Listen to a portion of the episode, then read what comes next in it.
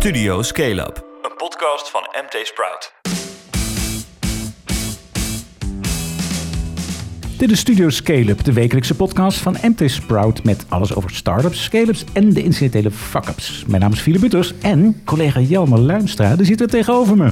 Hey Flip, hoi. In de flash. Ja, eindelijk dan- kunnen we weer eens een keertje Ja. in het eh, echt, eh, gewoon echt op kantoor dit doen. Dat is erg mooi. Ah. ja, vervelend. eh, ik ben er natuurlijk even deze keer, want Maarten die is Ja. die zou eigenlijk komen.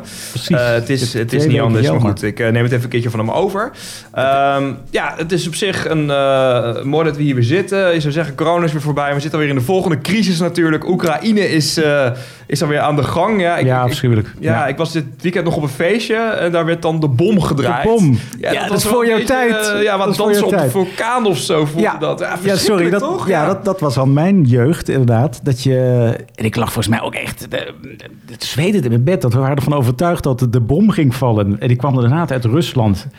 Eh, kernraketten, we hebben er nog tegen gedemonstreerd. Ehm, Ja, ja, ja, ja, ja. die tijd is een beetje terug. Het is toch, ja, het is niet eens een koude oorlog. Het is gewoon, het is gewoon echt oorlog. En, Ja, en ook economisch, want daarvoor zitten wij er eh, nu. Nou, absoluut. Ondernemers, overheden proberen nu eh, economisch Rusland eh, te treffen en op andere gedachten te brengen. Ja, ja nou natuurlijk. ja, dus ja. ik denk eh, dat het main topic, dat raadt zich wel raden. Jelmer, Ja, zeker wel. Ja, ja, ja. Eh, de tech-ondernemers die zetten zich wereldwijd in om Oekraïners te helpen. Zo ook in de lage landen. We staan stil bij alle hulpacties en maatregelen, en maar ook eh, bij wat je zelf kunt doen. ja, as not what you can do for your country. Nee, het is andersom. As not what your country can do for you. Eh, dat was dan voor mijn tijd, voor mijn tijd. Eerst even ander nieuws over startups en scale-ups. Siebert van Liende, die is weer vrij. Maandag werd hij door de fiscale opsporingsdienst Fiat aangehouden... vanwege onderzoek naar de mondkapjesdeal. Ook zijn compagnons Bert Damme en Camille van Gessel zijn opgepakt. Ze zaten volgens mij in conclaaf. Die andere twee die zitten nog wel vast voor verhoor. Nou ja, je weet dus, ze jokt over het feit dat ze miljoenen winst maakten. Terwijl zij zeiden dat ze om niet bezig waren, benadeelden ze bijvoorbeeld partijen als Randstad en Coolblue... die echt om niet hun hulp eh, aanboden. Hey Siebert, we krijgen nog 9 miljoen van je. Nou, nou, nou, ophouden hè. Carnaval is voorbij, ongepast. sorry, sorry. Goed, we gaan het hebben over de volgende. Eh, flitsbezorger Flink, ja, die stapt naar de rechter om in Gouda aan de slag te kunnen. De gemeente die wijzigde daar op het laatste moment een bestemmingsplan... waardoor de darkstore van de Duitse unicorn er niet open kan. Dus eh, we gaan zien hoe dat eh, afloopt. Ja, dat is ook een soort eh loopgraven oorlog straks. Ontzettend, ja. Nog meer bezorgnieuws. Just Eat Takeaway die heeft vorig jaar maar liefst een miljard euro verlies gemaakt... op een omzet van 3,2 miljard. Dat verlies is deels veroorzaakt door kosten voor de overname... van onder meer het Amerikaanse Grubhub... Nog een andere tegenvaller die Jitse Groene zijn fans moest melden. Hij vertrekt uit Noorwegen en Portugal. Want daar kwam de business echt niet van de grond... ondanks miljoenen uitgaven voor onder meer marketing. Ja. En dan Tom. Het webshop imperium van eh, ja, Tom Teriele. Dat lijkt zo wat kapot gegroeid door corona. Teriele die moest, eh, eh, moet bijna de helft van zijn 600 medewerkers ontslaan... en krijgt vier maanden om er met zijn schuldeisers uit te komen. En dat ondanks supersnelle groei van vorig jaar nog 50% Tom begon als een fietswinkel, maar bestaat nu uit 14 webwinkels... in sportartikelen, tuinmeubels, autoaccessoires, speelgoed en meer. Dus voor de goede orde niet eh, Tom Jeans. Hè? Een combinatie van gestegen prijzen voor vervoer en verpakkingsmateriaal, gebrek aan voorraad en onvoorspelbaar koopgedrag. eh, ja, dat zorgde ervoor dat er nu toch een behoorlijke ellende is ontstaan voor dit bedrijf. En hij maakt gebruik van een nieuwe regeling, die WOHA. Die is opgezet om in het surseance echt meer kans te maken op een doorstart. Dus dat, dat gaan we zeker volgen. Er is er nog geld opgehaald, Jelmer, deze rare week. Ja, toch eh, wel wat inderdaad. Al kan ik me ook voorstellen dat het voor bedrijven niet echt een hele goede week was om dit nieuws naar buiten te brengen. Want Nee. het sneeuwt natuurlijk een beetje onder eh, bij het Oekraïne-nieuws. Kijk ook naar het klimaatrapport van deze week, waar ook heel weinig aandacht voor was. Maar goed, er was wel wat. Eerst hebben we het eh, werkplatform Makkie. Dat eh, bedrijf heeft 4 miljoen opgehaald, maar dan bij zijn bestaande aandeelhouders. Eh, dat geld gaat naar eh, productontwikkeling en marketing. Dus eh, mooi voor hem. Eh, dan hebben we ook, nog- dat was wel een bijzondere, dat is OVO. Een Ja. eh, start-up die kan bepalen of een eh, bevrucht kippenei een haantje of hennetje bevat. Dat bedrijf haalde liefst eh, 34 miljoen euro op bij een trits investeerders. En dat is dan toch wel een beetje de grootste investering deze week. Ja. Nou, wat doen die lui? Het is, ze, ze zorgen eigenlijk voor goed nieuws voor haantjes. Want oprichters Wil Stutterheim en Wouter Bruins... die voorkomen met hun techniek dat die haantjes meteen na de geboorte worden gedood... door te kijken welke bevruchte eieren nou haantjes en hentjes bevatten. Het Ja. idee is, als het er een haantje is, ja, die kunnen geen eieren leggen. Dus die, daar hebben de boeren of de, de haantjeshouders de, hebben wordt- daar minder aan. Ja, dan worden ze niet geboren. In plaats van dat ze als eendagskuip Ja. eh, door de shredder gaan of ehm, heel naar ze worden vergast. En Ja, dan, eh, dit is heel naar. Maar goed, dit letterlijk is een, voor de kat. een soort van oplossing die ze bieden. Dus Ja. dat is mooi. En blijkbaar een business case, want 34 miljoen euro. Jeetje. Ja. 6,5 miljard haantjes die worden op deze manier eh, jaarlijks eh, doorheen gedraaid, zeg maar, omdat ze geboren worden. ja, verschrikkelijk. En dan mm, ja, goed en slecht nieuws voor fintech startup Blanco. Co-founder Bernadette Wijnings die vertrekt. En die stapt wel op op een goed moment, zegt ze op LinkedIn. Haar techplatform voor vermogensbeheerders heeft net 3 miljoen euro opgehaald bij de bestaande investeerders en angels. Tja. En dan nog meer berichten voor de landbouw. Maar ook heel knap. Rien Kamman en Ernst van Brugge die hebben 9 miljoen euro opgehaald voor Source.ag.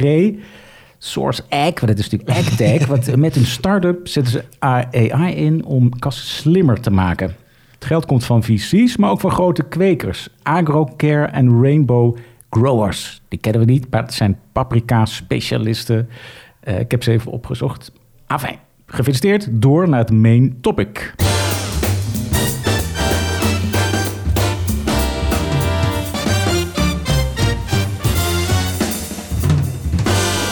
People take personal responsibility for supporting Ukrainians, and it's scary. And I understand that a lot of people still saying that it's the war against Ukraine, but it is the war against the entire democratic world.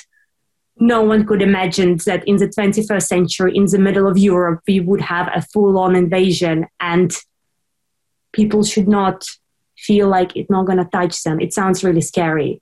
I'm not asking anyone to go and fight for Ukraine. That's not the message I'm sending. I'm not, as I said, I'm not a political person. I'm not a military person. I'm a Ukrainian entrepreneur who has family and teams there. And all I'm saying, support them with a business, support them with a donation.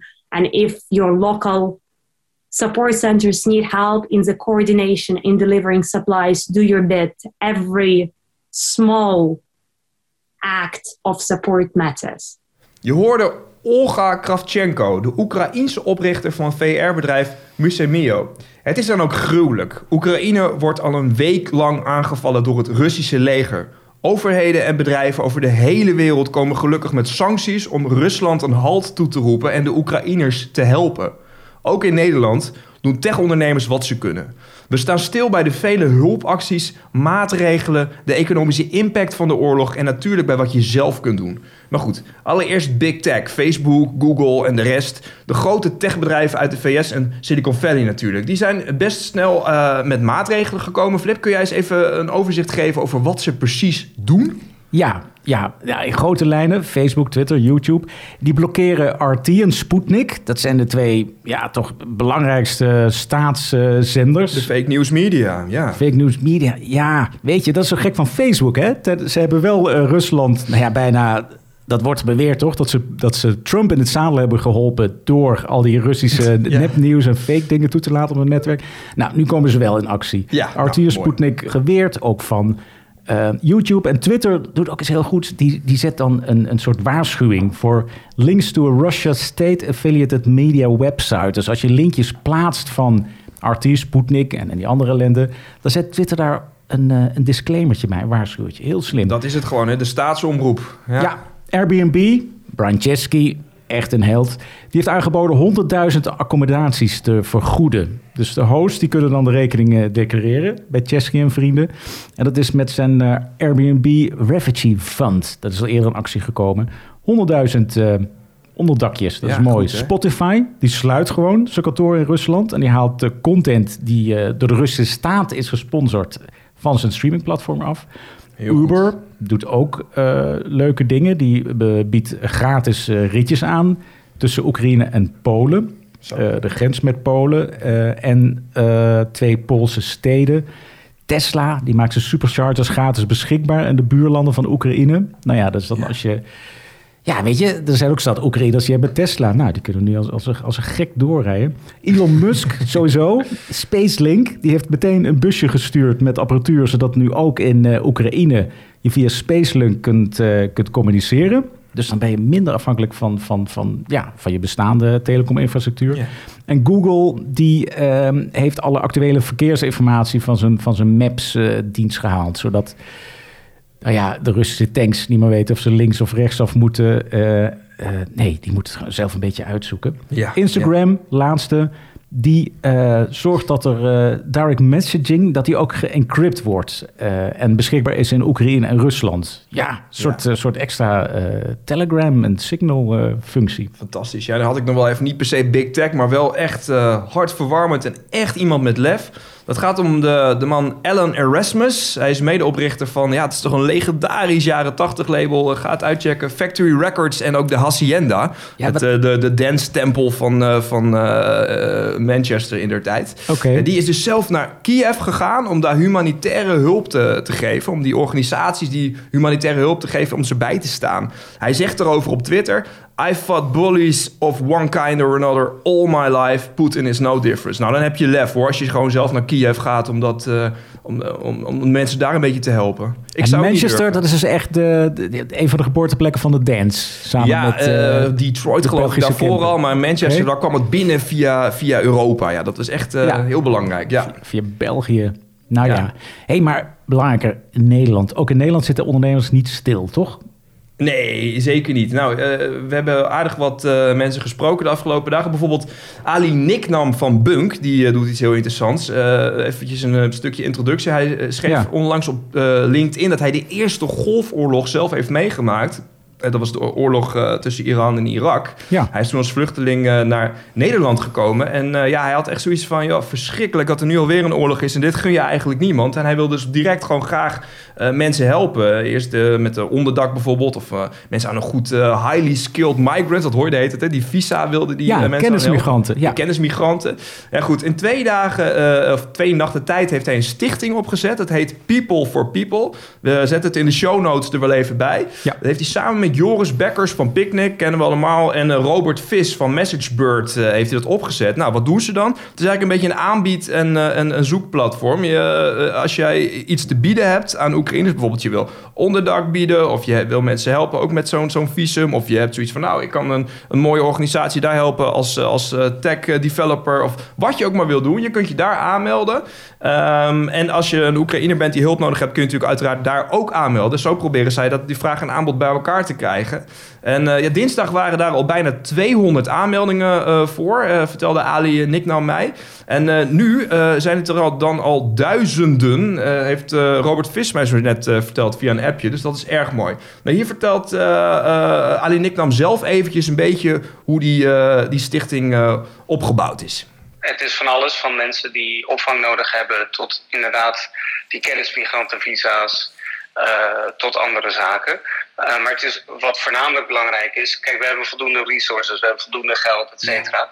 Maar we moeten, het is natuurlijk een ongelooflijke chaos, zo'n oorlog. Mensen zitten vast in, bij de grens, mensen, ja, het weten zijn over de grens, weten niet waar ze heen moeten. Ja. Ehm, en wij zijn gewoon aan het kijken wat we kunnen doen.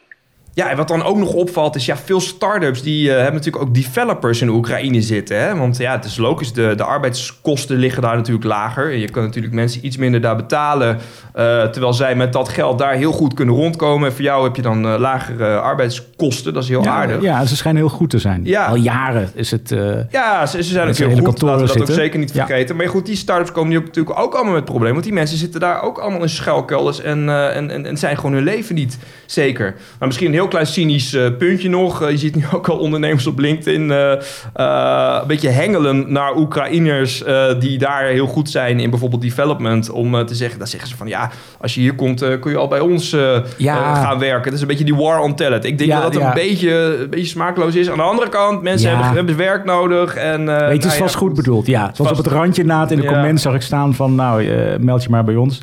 En twee dingen natuurlijk. Ja. Dat hoorde ik ook van iemand. Ja, die developers, dat zijn over het algemeen wel mannen. En die blijven gewoon in hun land. Die, die mogen het land niet eens uit, ook al zouden ze het willen. Nee, ze moeten vechten, hè? Ja. En die eh, visa van Ali, dat is toch al opgelost. Want eh, punt 1, Oekraïners hoeven geen visum te hebben. Die mogen sowieso, ik geloof, 90 dagen in Nederland blijven. Ja. En de EU heeft al gezegd, de eerste drie jaar... Ja, meer vragen we nergens naar. Ja, Dus, inderdaad. eh, hè? Ali's... dus ze eh, hoeven geen, wat dat betreft ze, is hoeven een geen beetje vluchtelingenstatus, ze hoeven zich niet te melden. ingehaald door de, door, de, door de realiteit inderdaad. Nou ja, dit wordt Ja, dus heel ja. anders dan, dan de, de, de Syrische vluchtelingenstroom... die Ja. we in 2015 eh, over ons heen kregen. Ja. Ja, zeker. Ja, en Robert Vis dan even, die heb ik ook nog gesproken maandag. Nou, hij heeft een heel weekend doorgewerkt om zijn personeel eh, in Oekraïne in veiligheid te brengen. Want hij is dus echt zo iemand die mensen in eh, Oekraïne heeft zitten. Ja. En eh, ja, ik vroeg hem maandag even hoe hij zijn personeel nou precies in veiligheid brengt. Want hoe pak je dat aan vanaf, vanaf Amsterdam? Ja. Dit Ja. zei hij. Er is niet heel veel wat we kunnen doen. Nee. Dus dingen die we. Dus we proberen het meeste te doen wat we kunnen. Ten eerste hebben we gewoon vrij budget voor ons personeel om actie te ondernemen. Ehm, dus het klinkt misschien heel suf, maar groter bedrijf heb je natuurlijk gewoon vaak expenses, moet toestemming gevraagd worden. eh, dat soort dingen. We hebben in dit geval gewoon gezegd tegen iedereen van go do it. Ehm, en wij nemen alle kosten op ons. Ehm, dus dat is zeg maar één ding. Als tweede hebben we eh, huizen eh, gehuurd eh, rondom de grenzen. Zeg tientallen om te zorgen dat als mensen de grens over zijn, dat ze dan veiliger zijn. We hebben ze invitation letters gegeven. Nou, dat is een beetje een. Eh, dat is niet een officieel document, maar eigenlijk wat je natuurlijk vaak ziet met refugees, dat bij een border patrol, dat het grootste probleem om het land binnen te komen, is dat zo'n land wel financieel verantwoordelijkheid is. Dit gaat uiteindelijk allemaal om geld, Ja. eh, hoe stuk dat ook is. Ehm, en daarbij hebben wij dus eigenlijk gezegd, wij nemen de verantwoordelijkheid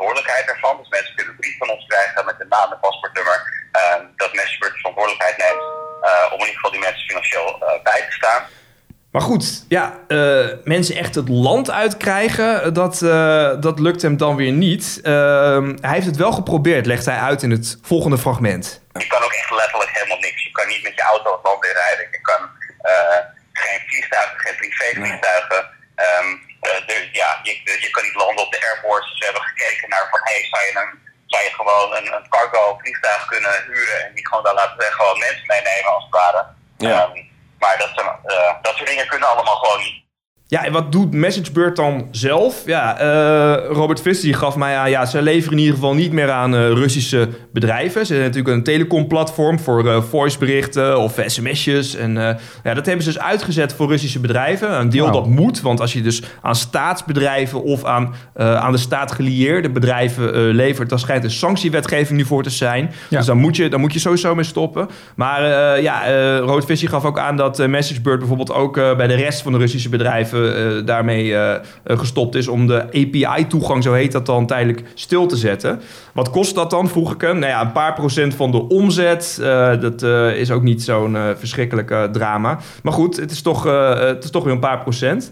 Ehm, tegelijkertijd zijn ze bij MessageBird, dat vond ik ook nog wel mooi, eh, zijn ze een stichting begonnen eh, om eh, ja, door middel van innovatie de vrede te bevorderen. Ja, wat dat dan precies inhoudt, dat weet ik niet, maar eh, ze, ze doen het niet voor niets. Ze hebben er wel 10 miljoen hebben ze er al in geïnvesteerd. Dus dat vind ik toch echt wel een hele Is dat, mooie. Ja, is dat geld van het bedrijf of is dat vis zelf? Die, eh, Ja, dat, dat is mij Dat dus een beetje onduidelijk. Ik geloof dat het gewoon Ja. vanuit MessageBird allemaal eh, is, eh, is gedoneerd. Maar, dat, Maar zeker dat als scale-up, dan zie je dus... Ja, als scale-up... Ja. Oké, je kunt heel veel hulp bieden. Je doet wat je... Maar je kunt dus ook... Je bent onderworpen aan sancties, dus je moet minder zaken doen met Rusland. Maar je kunt dus ook zelf ja, of meer sancties opleggen. Je hebt dus ook die economische macht die je hebt... Ook al ben je maar een unicorntje, eh, die kun je dus ook inzetten. Ja, zeker. Heel interessant, hè? Hoe je aan twee kanten, als je eenmaal die Ja. omvang hebt... maatregelen versus eh de Ja, Oekraïners hulp. helpen. Kun je, allebei Ja. kun je dat doen. En ja, die Robert Vis, die, die, die, die, die is ook echt uitgesproken daarover. Hè. Die, die vindt ook echt dat bedrijven en burgers... die moeten eigenlijk alles doen wat ze kunnen om hun steentje bij te dragen. Dat zegt hij in het volgende fragment... wat ik toch nog even wil laten horen. alles doen wat in je macht is. En dat kan eh, technologie bouwen zijn, eh, dat kan geld geven zijn als je geld hebt. Eh, dat kan gewoon je stem laten horen, dat kan artikelen delen. Ik heb ook helemaal geen judgment over wat veel mensen doen, maar mijn enige advies zou wel zijn, doe iets. Iets doen, ga protesteren op de Dam. Ehm, eh, waar, wat je ook doet, maar doe iets, doe niet niets, zeg maar. Ik denk dat we allemaal geleerd hebben dat niets doen, dat dat heel gevaarlijk is. Dus laten we daarvoor geleerd hebben en met z'n allen iets doen. En wat dat dan is, dat moet iedereen lekker zelf bepalen. Ja, en dan heb je nog eh, ook wel mooi, om nog even te noemen, Anna, Anna Shornaka van eh crowdfunder de 1% Club. ja. Zij is eh, zelf ook Pools, volgens mij Pools-Nederlands. We spreken gewoon Nederlands ook. Maar zij was toevallig in Warschau toen de oorlog begon. En ja, daar zag ze dus met haar eigen ogen, of ze hoorde in ieder geval de hartverscheurende verhalen, zegt ze op LinkedIn, van, ja, van vluchtelingen die er wel maar liefst 36 euro voor deden om veilige ruimte te bereiken. En ja, ze moesten behoorlijke afstanden lopen, eh, ja, de dierbaren achterlaten, sch- schrijft ze. En ze moesten urenlang in de vrieskou staan. Dus nou ja, Anna die heeft ook besloten, ik ga er wat aan doen.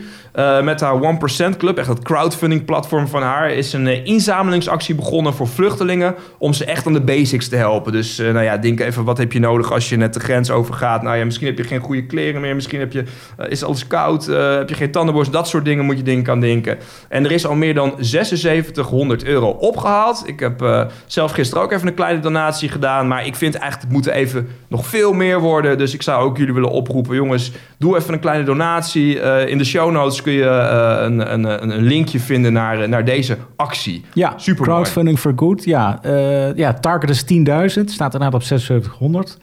Ehm, Ja. Volgens mij, dat heb ik ook opgepikt. Je kunt wel kleren sturen en tandpasta, weet ik veel wat. Maar het beste werkt toch, zegt ook eh organisatie het Rode Kruis, gewoon geld. En dan wordt daar ter plekke, of dichtbij, worden de spullen gekocht die dan echt op dat moment nodig zijn. Ze anders worden één grote kopen met vuilniszakken waar dan Ja. van alles van kleren tot, tot scheermesjes in zitten. Dat, dat, eh, nee, geld helpt dus ook. Ja, Ja, in ja, deze wereld leven we.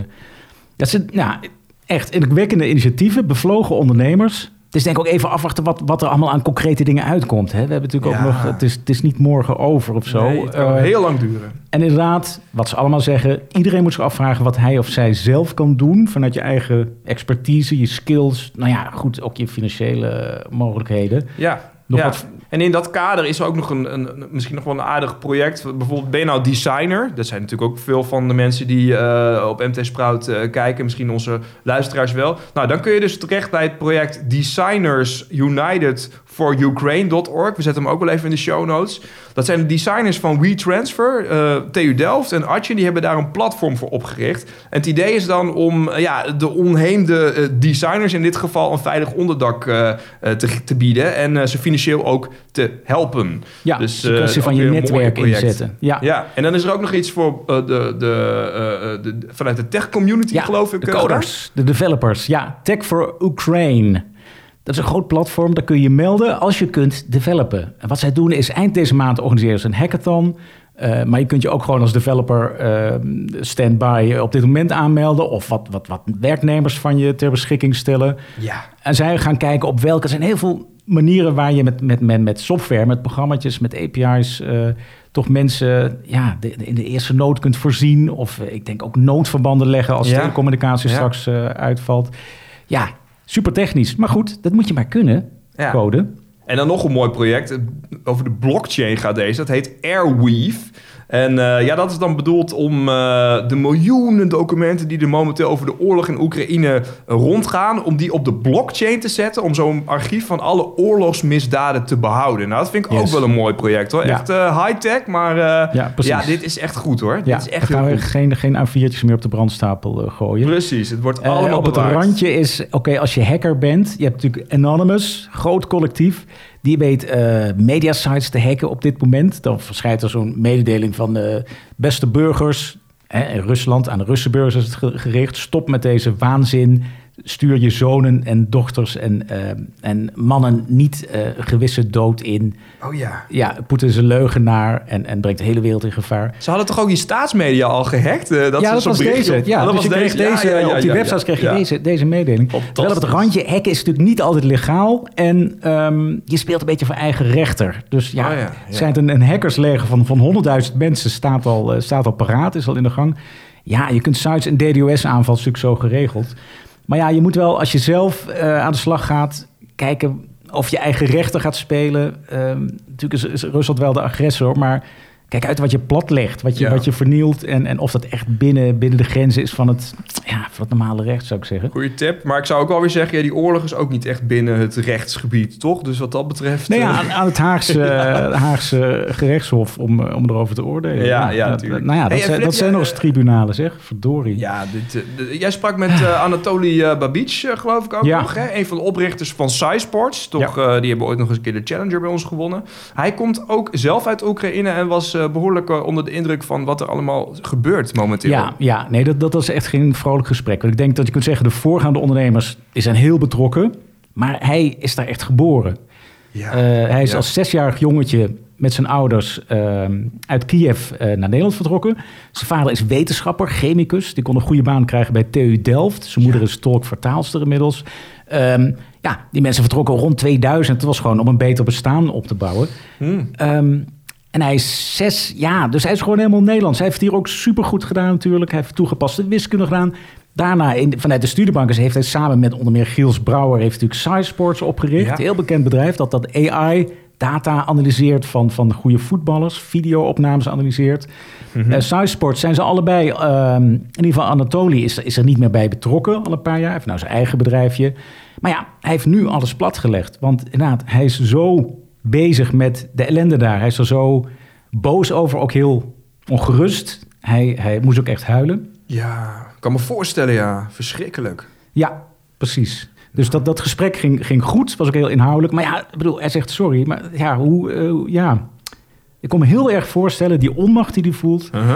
En waar hij vooral mee bezig is, ze hebben natuurlijk heel veel contact met Kiev. Zijn tante is notabene dokter in het ziekenhuis. Dus die, die ziet nu ook al heel veel ellende voorbij komen. Jongen, jongen. En hij is alleen maar aan het denken, hij gaat naar die demonstraties, hij wil iets doen. Ja, wat kun je doen? Hè? Dus hij kan eh, vertalen van het Oekraïens naar het Nederlands. Ja. Hij kan alle Oekraïners die hulp nodig hebben, kan hij nou ja, met zijn netwerk, met zijn, eh, ja, met, met zijn taal eh, en zijn vertaalmogelijkheden kan hij kan die ook helpen. Hij wilde naar Polen rijden om daar mensen op te pikken aan de grens. Dat heeft zijn vader hem toch ontraden. Ehm, hij wil een stichting oprichten Hmm. de hele tijd, ook tijdens het gesprek, van ja, eh, het is super eng. Ik heb me nog nooit zo onveilig gevoeld. Zelfs terwijl ik in Nederland zit. Ik voel me echt heel onveilig. Het is echt heel eng. Nou, hij volgt de media en, Ja. en nou ja, dat, dat broedt dus. Dus vanuit die onmacht wil je iets doen. Hij kan niet zoveel doen. Er komt zeker, eh, komen er mooie initiatieven uit, dat weet ik zeker. Maar ik denk dat het tijd nodig heeft. Dus Kun je hij dat is nog uitleggen hoe, hoe, hoe- hoe je je dan onveilig kan voelen in Nederland? Eh, hoe, hoe, dat, hoe hij ja, dat ziet? nee, ja, maar dat is het gevoel, tuurlijk. Omdat hij, hij zit met zijn hoofd en hij volgt die media in, in Oekraïne. Ik denk dat, dat, Ja. dat hij met zijn hoofd ja, zit hij daar, hè? en ja. zijn hart deels daar zit. Ja. Ehm, ja weet je, ik heb daar weinig ervaring mee met, ehm, met gesprekken die dan heel emotioneel worden voor mijn werk. Dus ik vind het ook, eh, ook lastig om na te vertellen. Ja. Maar wat hij bijvoorbeeld heeft gedaan, de NS, die, eh, die biedt de Oekraïners eh, gratis treinvervoer aan. Nou, heel goed, mooi. Maar dan is hij degene die zegt, NS, hoe, leg- hoe gaan we ze dat uitleggen? Hoe weten de Oekraïners dat ze hier zomaar de treinen kunnen stappen? Oh, ja. Hoe weten ze waar het loket is? Dus hij heeft de NS aangeboden, een soort handleiding. Gewoon in het Oekraïens, van nou, dit is de NS, hier kun je je melden. Hij heeft ook zo'n suggestie gedaan van, eh, laat ze dan op vertoon van een paspoort eh, de trein binnen. ja. Dat soort dingen. Ehm, Nou, het zal en ik denk wel ook, mooi zijn dat hij daar echt het verschil wel een beetje in kan ja, maken. dat is hij. hij Toch? dat, Dat is zegt hij inderdaad zelf ook. ja. Van ik wil als ondernemer het verschil kunnen maken. Ik wil iets toevoegen aan de initiatieven die al Ja. eh, gedaan worden. Dus ik ga niet ook kleding inzamelen. En ik denk dat het ook nog even wat tijd nodig heeft. Dat hij zelf ook rust nodig heeft. Want hij, hij, hij slaapt heel slecht. Hij slaapt nauwelijks. Oeh, ja. Ehm, maar met zijn skills, hij is ook echt een briljante wiskundige. Hij heeft, hij heeft twee bedrijven opgezet inmiddels. Ehm, die oorlog is niet na een week of eh, na een maand voorbij. Dus ik denk, ehm, we houden gewoon contact. En Anatoly Babic eh, komt, komt vast Ja. ook met een heel mooi initiatief. Maar jeetje, dat is toch echt een ander verhaal als je iemand spreekt die zo, hè, die daar familie heeft, die daar vandaan komt. eh. Heftig jeetje. allemaal, ja. Ja, dat, dat waren de emoties. Maar het gaat natuurlijk ook weer om geld, deze wereld. In, in hoeverre worden Nederlandse bedrijven nou eigenlijk financieel getroffen door die oorlog in, eh, in Oekraïne? Ja, geld. Ja, het, is, eh, het is niet het eerste waar je aan denkt inderdaad, maar toch eh, wel, wel van belang natuurlijk. Ja, ik heb even snel naar gekeken. De economische impact valt nu in ieder geval direct nog wel enigszins mee. Ik heb even gekeken wat exporteren we, wat importeren we nou precies. Nou ja, de export naar Oekraïne die bedroeg in 2020 een miljard vanuit Nederland. Nou, wij hebben het dan over vooral medicijnen, medicijnen, koffie en thee en voertuigen bijvoorbeeld. En ja, we importeerden voor eh, 1,6 miljard. eh, dan heb je het vooral over graan, plantaardige oliën, zaden en vruchten. Dus dat valt allemaal nog wel wat mee. Als je bedenkt dat we dat voor honderden miljarden wereldwijd doen, is Ja. echt eh, helemaal niks. Maar dan En, Rusland. eh, ja, Rusland dan, hè, want daar zitten nu al die sancties natuurlijk. Ja, daar exporteren we dus jaarlijks eh, eh, voor 6 miljard naartoe. Eh, en dat schijnt dan ruim 1% van het totaal te zijn. Dus opnieuw is het vrij weinig. Waar heb je het dan over? Ja, weer medicinale producten. In dit geval ook apparaten, voedsel en auto's. Nou ja, veel apparaten. Bijvoorbeeld kijk je ook naar bijvoorbeeld Apple. Dat is een, misschien een ander land, maar die verkopen momenteel al geen eh, Apple-producten meer daar. Dus ik kan me voorstellen dat er ook nog wat meer eh, sancties komen daar. Eh, we importeren voor... eh, ja, iets eh, van eh, ne- 9,5 eh, miljard ongeveer. eh metaal heb je het dan over. IJzer, staal, eh, chemische producten. Ja, dat levert wel eh, nu al de eerste problemen op voor een bedrijf als eh, VDL Netcar. Eh, ja, die legt zijn productie nu momenteel stil... omdat ze geen kabelbomen meer kunnen krijgen... voor een BMW en Mini-modellen. Dus daar zie je al wel een eerste effect optreden. En eh, ja, ook eh, nadelig is eh, de oorlogsgebeuren voor... Bijvoorbeeld kwekers van tulpen en eh chrysanten. Zou je misschien niet zo snel aan denken. Maar eh, ja, in Rusland zijn ze dat toch ook een aardige afnemer. En op 8 maart is het eh, ja, ook in Rusland Dinsdag. Internationale Vrouwendag. Ja, en dat feest dat, ja, zal daar nu waarschijnlijk niet eh, in diezelfde Nou ja, mate doorgaan. als nu in ieder geval de import en de export zal niet, Ja. niet zoveel doorgaan. Jeetje. Toch is het maar een klein deel van de markt. Ook die, eh, die export naar, eh, naar Rusland. 2,5% schijnt het te zijn. Vorig jaar was dat dan eh, 185 miljoen euro. Ja, en natuurlijk het grootste probleem zit hem natuurlijk in die gasprijzen. Ja, daar heeft iedereen het al over gehad. Die Nord Stream 2, eh, die we nu op de lange baan schuiven of misschien wel gaan cancelen. Ja, gas wordt natuurlijk ontzettend veel duurder en ook olie. Ja. En het is daarom ook belangrijk dat we nu gaan inzetten op eh, zo snel mogelijk die eh, energietransitie voltooien in Europa. Ja, zodat precies, dat echt, is het. eh, Ja, zelfstandig kunnen zijn. Dat is- precies. Europa is verenigd en, Ja. en de, de verduurzaming krijgt ook een enorme push. Er is een window of opportunity voor die Ja. energietransitie nu inderdaad. Want het is Ja, wel zo dat gas, als Nederland zijn we voor 15% afhankelijk van Russisch gas. 15% ja. maar ook ja, die pijn ja. wordt binnen Europa verdeeld. Dus ook Ja. ehm, die 15%, er zijn landen die, die voor bijna 80% afhankelijk zijn. En Ja. op een manier moeten die tekorten, als die straks ontstaan, als de gashelling echt dicht gaat vanuit Rusland, eh, worden die tekorten een beetje eerlijk verdeeld. Dus dan zullen we ook in Nederland meer pijn krijgen dan die 15% waarschijnlijk. Ja, nou, dat is toch echt bijzonder. Ja, en dan kan natuurlijk ja. tot slot, hè, kan ook nog een recessie komen. Hè. En als er Ja. een recessie komt, nou ja, eh, je hoort ook wel, wel eh, verschillende experts zeggen dat een recessie eh, door deze oorlog, dat die toch even van wat ander niveau kan zijn dan de, de corona eh, tussen haakjes eh, recessie die we daar hadden. Omdat ja, er is ook niet echt een vaccin voor een oorlog. Hè? Echt Zo'n Nee. conflict. Ja, dat, ik zie nog niet zo heel snel een, een, een, antwoord komen. En ja, zolang er een handelsbarrières we- aan weerszijden zijn, ja, dan kan dat toch echt lange termijn eh, voor problemen zorgen. Ja, wat, wat Dus dat ja. betreft ben ik voor ondernemers eh, benieuwd. Tijdens corona kreeg je dus eh, compensatie, want het waren maatregelen door de overheid opgelegd. Nu heb je die sancties, ook een overheidsmaatregel. Zou je dan als bedrijf niet ook recht hebben op compensatie? Het is natuurlijk wel enorm precedent geschapen de afgelopen twee jaar. Ja, maar vind je dat... Niet of dat op gang komt. Het is een interessante mening, maar vind je dat niet een beetje ook het Ja, ondernemersrisico? Je kan Ik niet alle. Alle Ja, alle risico's bedrijfsrisico's afwentelen. overheid? Ja hoor, ja, Ja, zeker. We straks allemaal in dienst, eh, zijn we op, het op de loonlijst. Zijn we allemaal ambtenaren uite- uiteindelijk. Ja, ja, ik dat ben benieuwd. kunnen, Dan- moet een- een Toch een beetje het communistische model van, eh, van Rusland eh, Ja, maar ja, als ik ondernemer ben en ik zit met mijn bloemen en ik krijg ze de grens niet over, dan, dan ben ik boos en dan kan me voorstellen. Ik verwacht Ja. binnen week verwacht ik dit soort eh pleidooien van compenseer ons voor eh, de overheid die het nodig vindt om sancties op te leggen aan een oorlog waar we niks mee te maken hebben, zoiets. Nou, Ja, ja, ja. ja Weet je, nou, laat ons nu concentreren op die mooie initiatieven van, van ondernemers. Ja, Tech-ondernemers vooral, ja, super gaaf. Ja. Dus die blijven volgen. Wat eruit voortkomt, dat, dat gaan we bijhouden. En inderdaad, ook voor iedereen die dit hoort, denk na wat jij kunt doen. Dus Jelmer, wat, wat doe jij?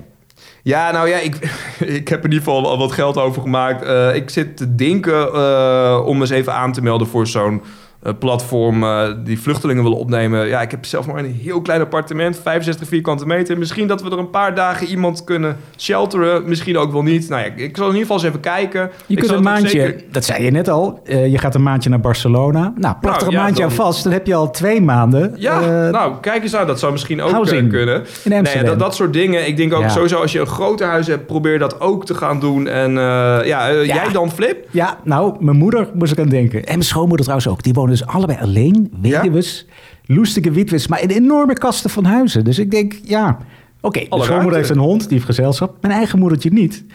Ik denk dat ze het Ah. veel te eng vindt. En natuurlijk, je bent ook niet meer op, zo heel flexibel op je tachtigste. Maar, maar er zouden echt, we hebben vroeger sowieso twee gezinnen gewonnen. Nou, Ja, wat ik zelf doe. Oké, we hebben braaf geld overgemaakt aan het Rode Kruis.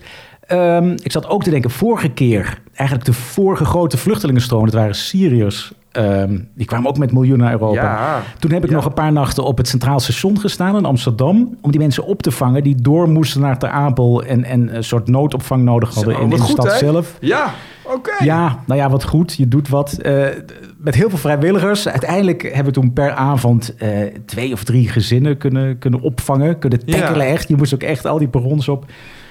Dat deden we toen voor de Syriërs. Eh, nu, Oekraïners zijn natuurlijk geen vluchtelingen. Die hoeven zich nergens te melden. Maar ja, zoiets. Als ik een gezin op sleeptouw kan nemen. Ja, we hebben geen kamer over. Maar zoiets. En er is wel één ding wat Ja. mij opviel natuurlijk. Tijdens die Syriërs. Dat was toch een heel ander... eh, daar keken we toch denk ik anders tegenaan. Eh mensen kwamen van verder weg. Leken minder op ons Dat is het. terecht of Ja. niet. Ehm, ook die hulpactie toen bij het station was opgezet door hele goede kids uit, uit de West. Gewoon Marokkaanse jongens en meiden. Die, ja, die dat deden voor, voor hun broeders en zusters. Ja, Ja, dat dat is heel toch wel anders. een beetje wrang dat we daar wat anders tegenaan keken. Hè? Ja, Toen, eh, je mag niet te vaak Dat, eh, erbij ja. zeggen. En, Ja. en goed, laten we dit het keer gewoon... goed dat dat punt even gemaakt ja, laten we dit keer gewoon eh, goed doen. Ga je nog de dam op eh, demonstreren? Eh, nee, denk ik niet. Nee. Ik misschien nee, wel dat- even. Ja, maar is er nog iemand die denkt, of Poetin die denkt van... verdomme, er staan die Hollanders staan ook weer ertussen op de dam. Ja, ja, goed. Of het zin heeft, is Ah. natuurlijk altijd maar weer de vraag. Nou ja, goed. We gaan het zien. Eh, Ja. Genoeg te doen. In ieder geval, mensen, doe iets. Hand uit de mouwen. Dit was Studio Scale Up aflevering 45. Vergeet je niet te abonneren op Spotify of je favoriete podcast app. Deel de podcast ook vooral met je vrienden en kom met feedback.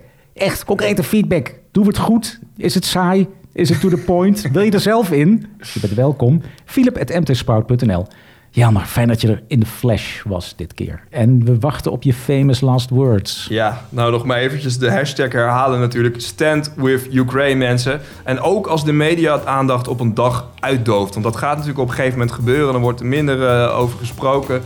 Laten we dan gewoon ook vooral eh, kijken wat we kunnen blijven doen. Ja, Slavo Oekraïne acties in de show notes. Yes!